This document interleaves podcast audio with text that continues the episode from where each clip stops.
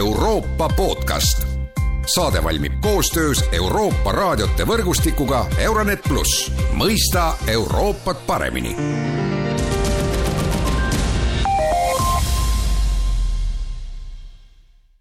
tere, taas kuulame Euroopa podcasti. Läänemere põhjas asuva Nord Stream gaasitoru plahvatused ja sellele järgnenud lekked on pannud Läänemere maid vaatama uue pilguga ka oma energiataristu julgeolekule. Teemat on tulnud stuudiosse kommenteerima julgeolekuettevõtja Jaanus Rahumägi, tere päevast! tervist! ja mina olen Erkki Pahovski. no alustame nende rünnakutest siis Nord Streami vastu, noh, võib vist vast öelda, et need olid rünnakud ja noh, päris mitu Läänemere maade liidrit pluss Euroopa Liidu liidrid on pidanud seda sabotaažiks, et mis siis annab äh, põhjuse niimoodi oletada?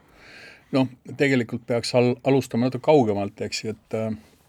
kui me vaatame viimast sajandit, siis viimase sajandi jooksul on toimunud äh, igasuguste transpordivahendite nagu tankerid äh,, Äh, viimasel ajal siis äh, naftajuhtmed ja muud infrastruktuuri äh, ehitised on sattunud rünnaku alla. nüüd kui lähemale tulla, siis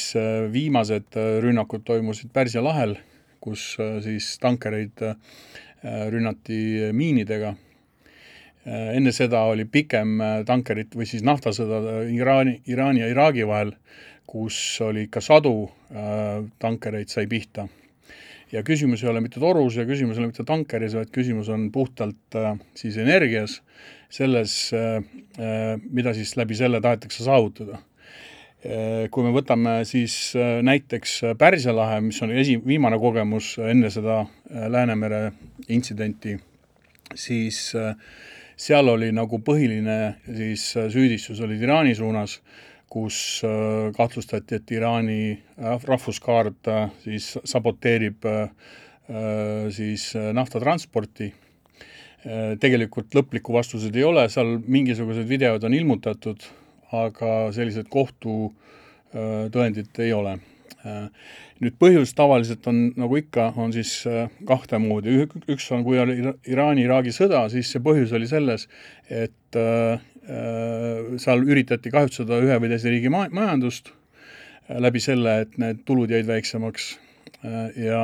kui vaadata siis seda viimaseid Pärsia lahe sündmuseid, siis põhjus oli selles, et loomulikult taheti mingisugust sõnumit saata Iraani poolt väidetavalt. Nii et see, see oli see viimane, mis oli. nüüd see omapära või selline ühine joon on see, et kui on suurem konflikt ükskõik kus kohas maailmas, Äh, siis äh, juhtub, varem või hiljem juhtub äh, mingi rünnak siis ühe või teise energiakandja vastu. ja nüüd antud juhul juhtus see siis Läänemeres, kus lasti õhku kaks toru kahe koha pealt ja, ja see on siis see, mille üle siis täna kõik nagu analüü-, mida kõik analüüsivad, mida kõik arutavad ja ka põhjus on täiesti selge, et ükskõik, Äh, mis või kes siis selle rünnaku korraldas, siis see, see, see põhipõhjus äh, jääb mulje, on ikkagi, minu isiklik arvamus on selles, et see sõnumi saatmine, et äh, see nii-öelda Euroopa sisemeri tänases geograafias on, on ka rünnatav. ja tulevane NATO sisemeri samamoodi ju just, et see on NATO tulevane sisemeri, tänane Euroopa sisemeri ja me oleme elanud tegelikult ikkagi kaheksakümmend aastat, ma mõtlen, Lääne-Euroopa on e-, elanud üsna sellist rahulikku elu, eks, ja minu hinnangul on täiesti selge sõnum, et see, see nii-öelda rahulik elu on tänaseks läbi ja see on nii-öelda kaudne meede selles suhtes, et äh, Lääne-Euroopa valitsused äh, äh, toetaksid vähem siis Ukrainat, Ukrainas toimuvat ja et kõige parem, mis saaks juhtuda põhimõtteliselt äh, Venemaa jaoks, on see, et äh, sisuliselt äh, toimuksid mingisugused meeleavaldused Lääne-Euroopas riikides, mis mõjutaksid vali, valitsusi ja nende otsustusi. No üks selline meeleavaldus tulebki kohe meelde ja see oli juba enne neid gaasitoru plahvatusi, oli see, mis oli Tšehhis, eks ole, kus siis inimesed avaldasid meelt kõrgenenud energiahindade vastu ja nii edasi, aga korra tuleks tagasi selle Venemaa osaluse juurde, et ju noh, praeguseks meil ei ole ju ikkagi kindlaid andmeid selle Venemaa osaluse kohta ja noh, muidugi mitmed on ka küsinud, et miks peaks siis Venemaa õhku laskma omaenda gaasitoru. no see on selline teoreetikutele suurepärane pähkel, mida närida, eks ole. et võib-olla nii, võib-olla naa, eks ole, see noh, lõpuks ikka otsitakse mingisugust loogilist kasu, et noh, mis see võiks nagu kasu olla, nii rahalist kasu või mingit muud kasu, siis ükskõik, kus otsast seda vaadata, siin räägid, süüdistatakse, et ameeriklased või eurooplased ise tegid seda siis äh, ma ei näe mitte mingisugust noh, äh, sellist äh, reaalset kasu, mis võiks üks või teine valitsus läbi selle saavutada, et mittetöötav gaasitoru, sealt ei tulnud enam läbi mitte midagi,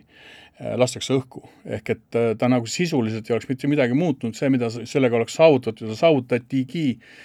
oli see, et äh,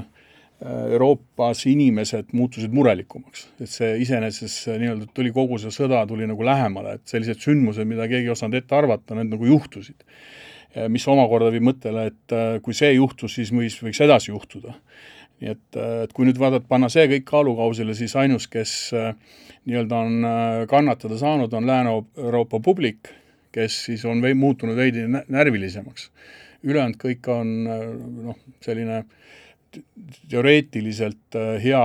diskussiooni teema, aga noh, praktiliselt ainus, mis on siis nagu juhtunud, on see, et ka meile, ka meie täna räägime sellel teemal siin, eks ju, et see on nagu inimestele tõst-, toonud rohkem sellist murekortsu otsa ette. No väga palju on spekuleeritud ja, ja eile tegelikult ju küsiti seda ka Eestis, Eestit külastanud Soome presidendi Sauli Niinistö käest, et noh, kas ka edaspidi võiksid sellised asjad juhtuda, et et, et noh, siin toodi näiteks see Baltic Connector, mis siis ühendab Soomet ja Eestit, et noh, me peame olema siis nagu kogu aeg valvel, et me ei saa nagu muretult enam võtta ja noh, teine loogiline järeldus sellest on ju see, et et kui me peame siis neid oma energiataristu asju valvama, see võtab ju ära ressurssi, et me peame nagu pidevalt sellega tegelema ja me ei saa Ukrainat võib-olla enam nii palju aidata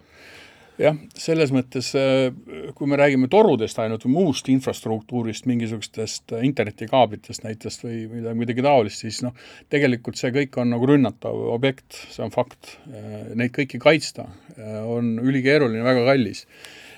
Nüüd samas arvestades kõik, mis vee all on, seda on nii-öelda raske korraldada, tegelikult on see ikkagi üsna keeruline operatsioon, et see läbi viia niimoodi, et see ei tule välja, et seda ei ole võimalik pärast uurida, mingisugust kas, tulemust. kas on oluline ka see, et, et noh, see tegevus ju toimub rahvusvahelistes vetes, et seal ei ole nagu otsest riigi jurisdiktsiooni, ma mõtlen seda, eks ole, et kui rünnatakse mingit energiataristut mingi riigi territooriumil, siis seda saab käsitleda ju ka, ka sõja kuulutamisena jah, seda küll, aga kuna seal on äh, ilmselt ka selle peale mõeldud, et oleks võimalik lihtsam seda hooldada, kui ta oleks ikkagi rahvusvahelistes vetes ja kõike seda teha, sellepärast on ka sinna paigutatud. aga samas, äh, kui nüüd tulla nagu Eesti juurde ja näiteks Soome juurde, siis me kõik ootame äh, siis valget laeva ehk et seda LNG tankerit, mis peaks tooma siis leevendust Eesti gaasivarustusele, eks ole, siis täiesti selge on see, et see üks tanker või need tankerid, gaasi, mis tuuakse, tal on nagu strateegiline tähtsus äh, Eesti-Soome majanduse jaoks, äh, riigi elu jaoks tervikuna, ja see on nagu objekt puht riski hinnangu mõttes, ei ole kahtlustki, tähendab, kui nüüd võtta tagasi Pärsi lahe peale, siis seal pandi põlema neid kahe tuhande üheksateistkümnendal aastal ikka päris mitmeid, siis seal tegelikult väga suurt midagi ette ei võetud. Ja põhjus on selles, et see nii-öelda äh, tulemus või see mõju, äh, ütleme, ühe või tankeri, äh, teise tankeri nii-öelda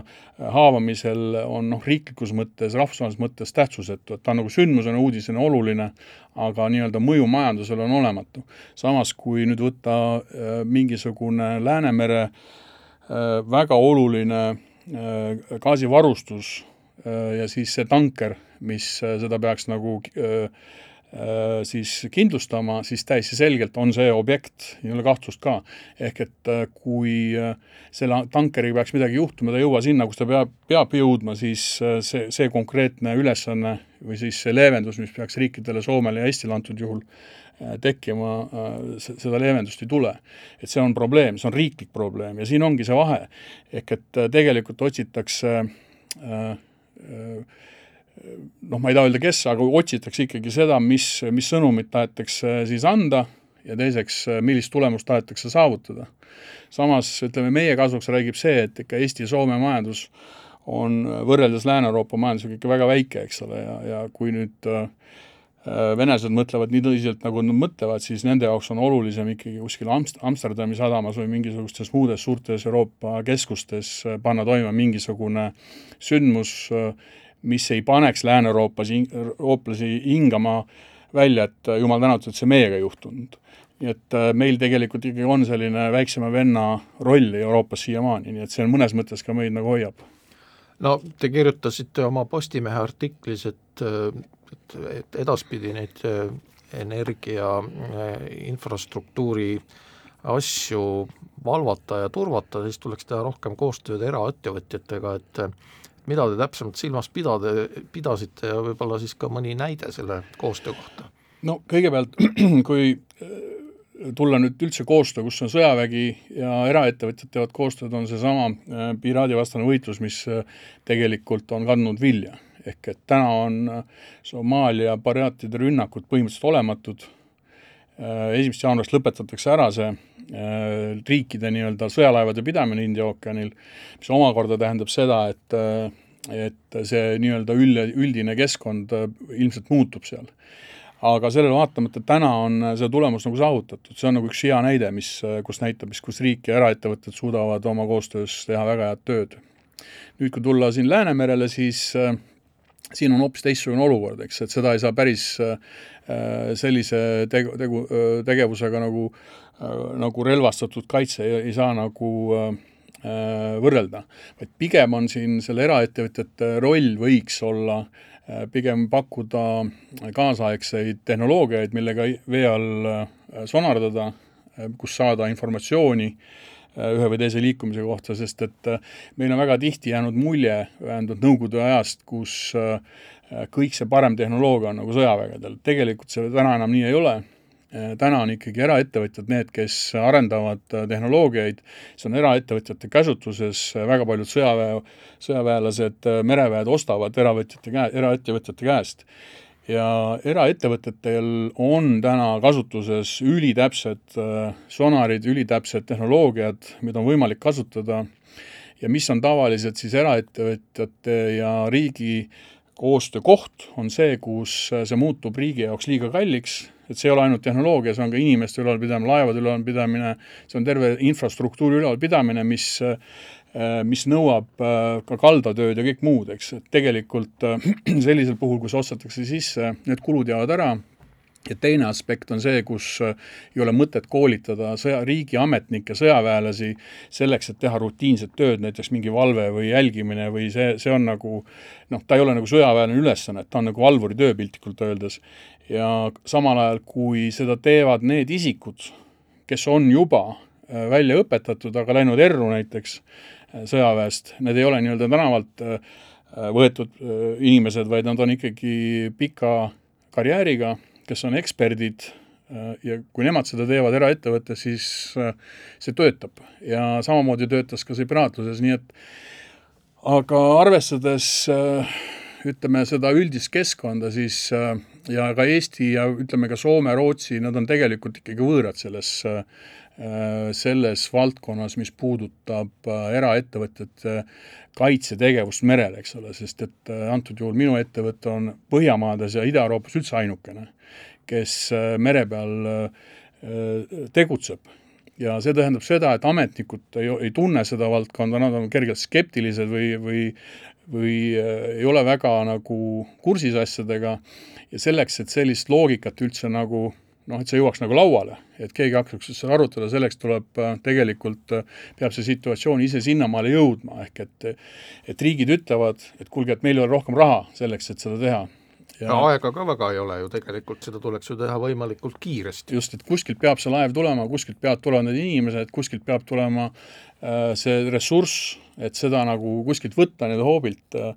on, ja see peab kuskilt nagu, kuskilt jääb seda vähemaks, eks ju. ehk et äh, need on need äh, sellised arutelukohad, mis minu arust ei ole vaja nagu kõrvale lükata, vaid tegelikult see on täitsa okei okay,, kui riik ja eraettevõtted teevad koostööd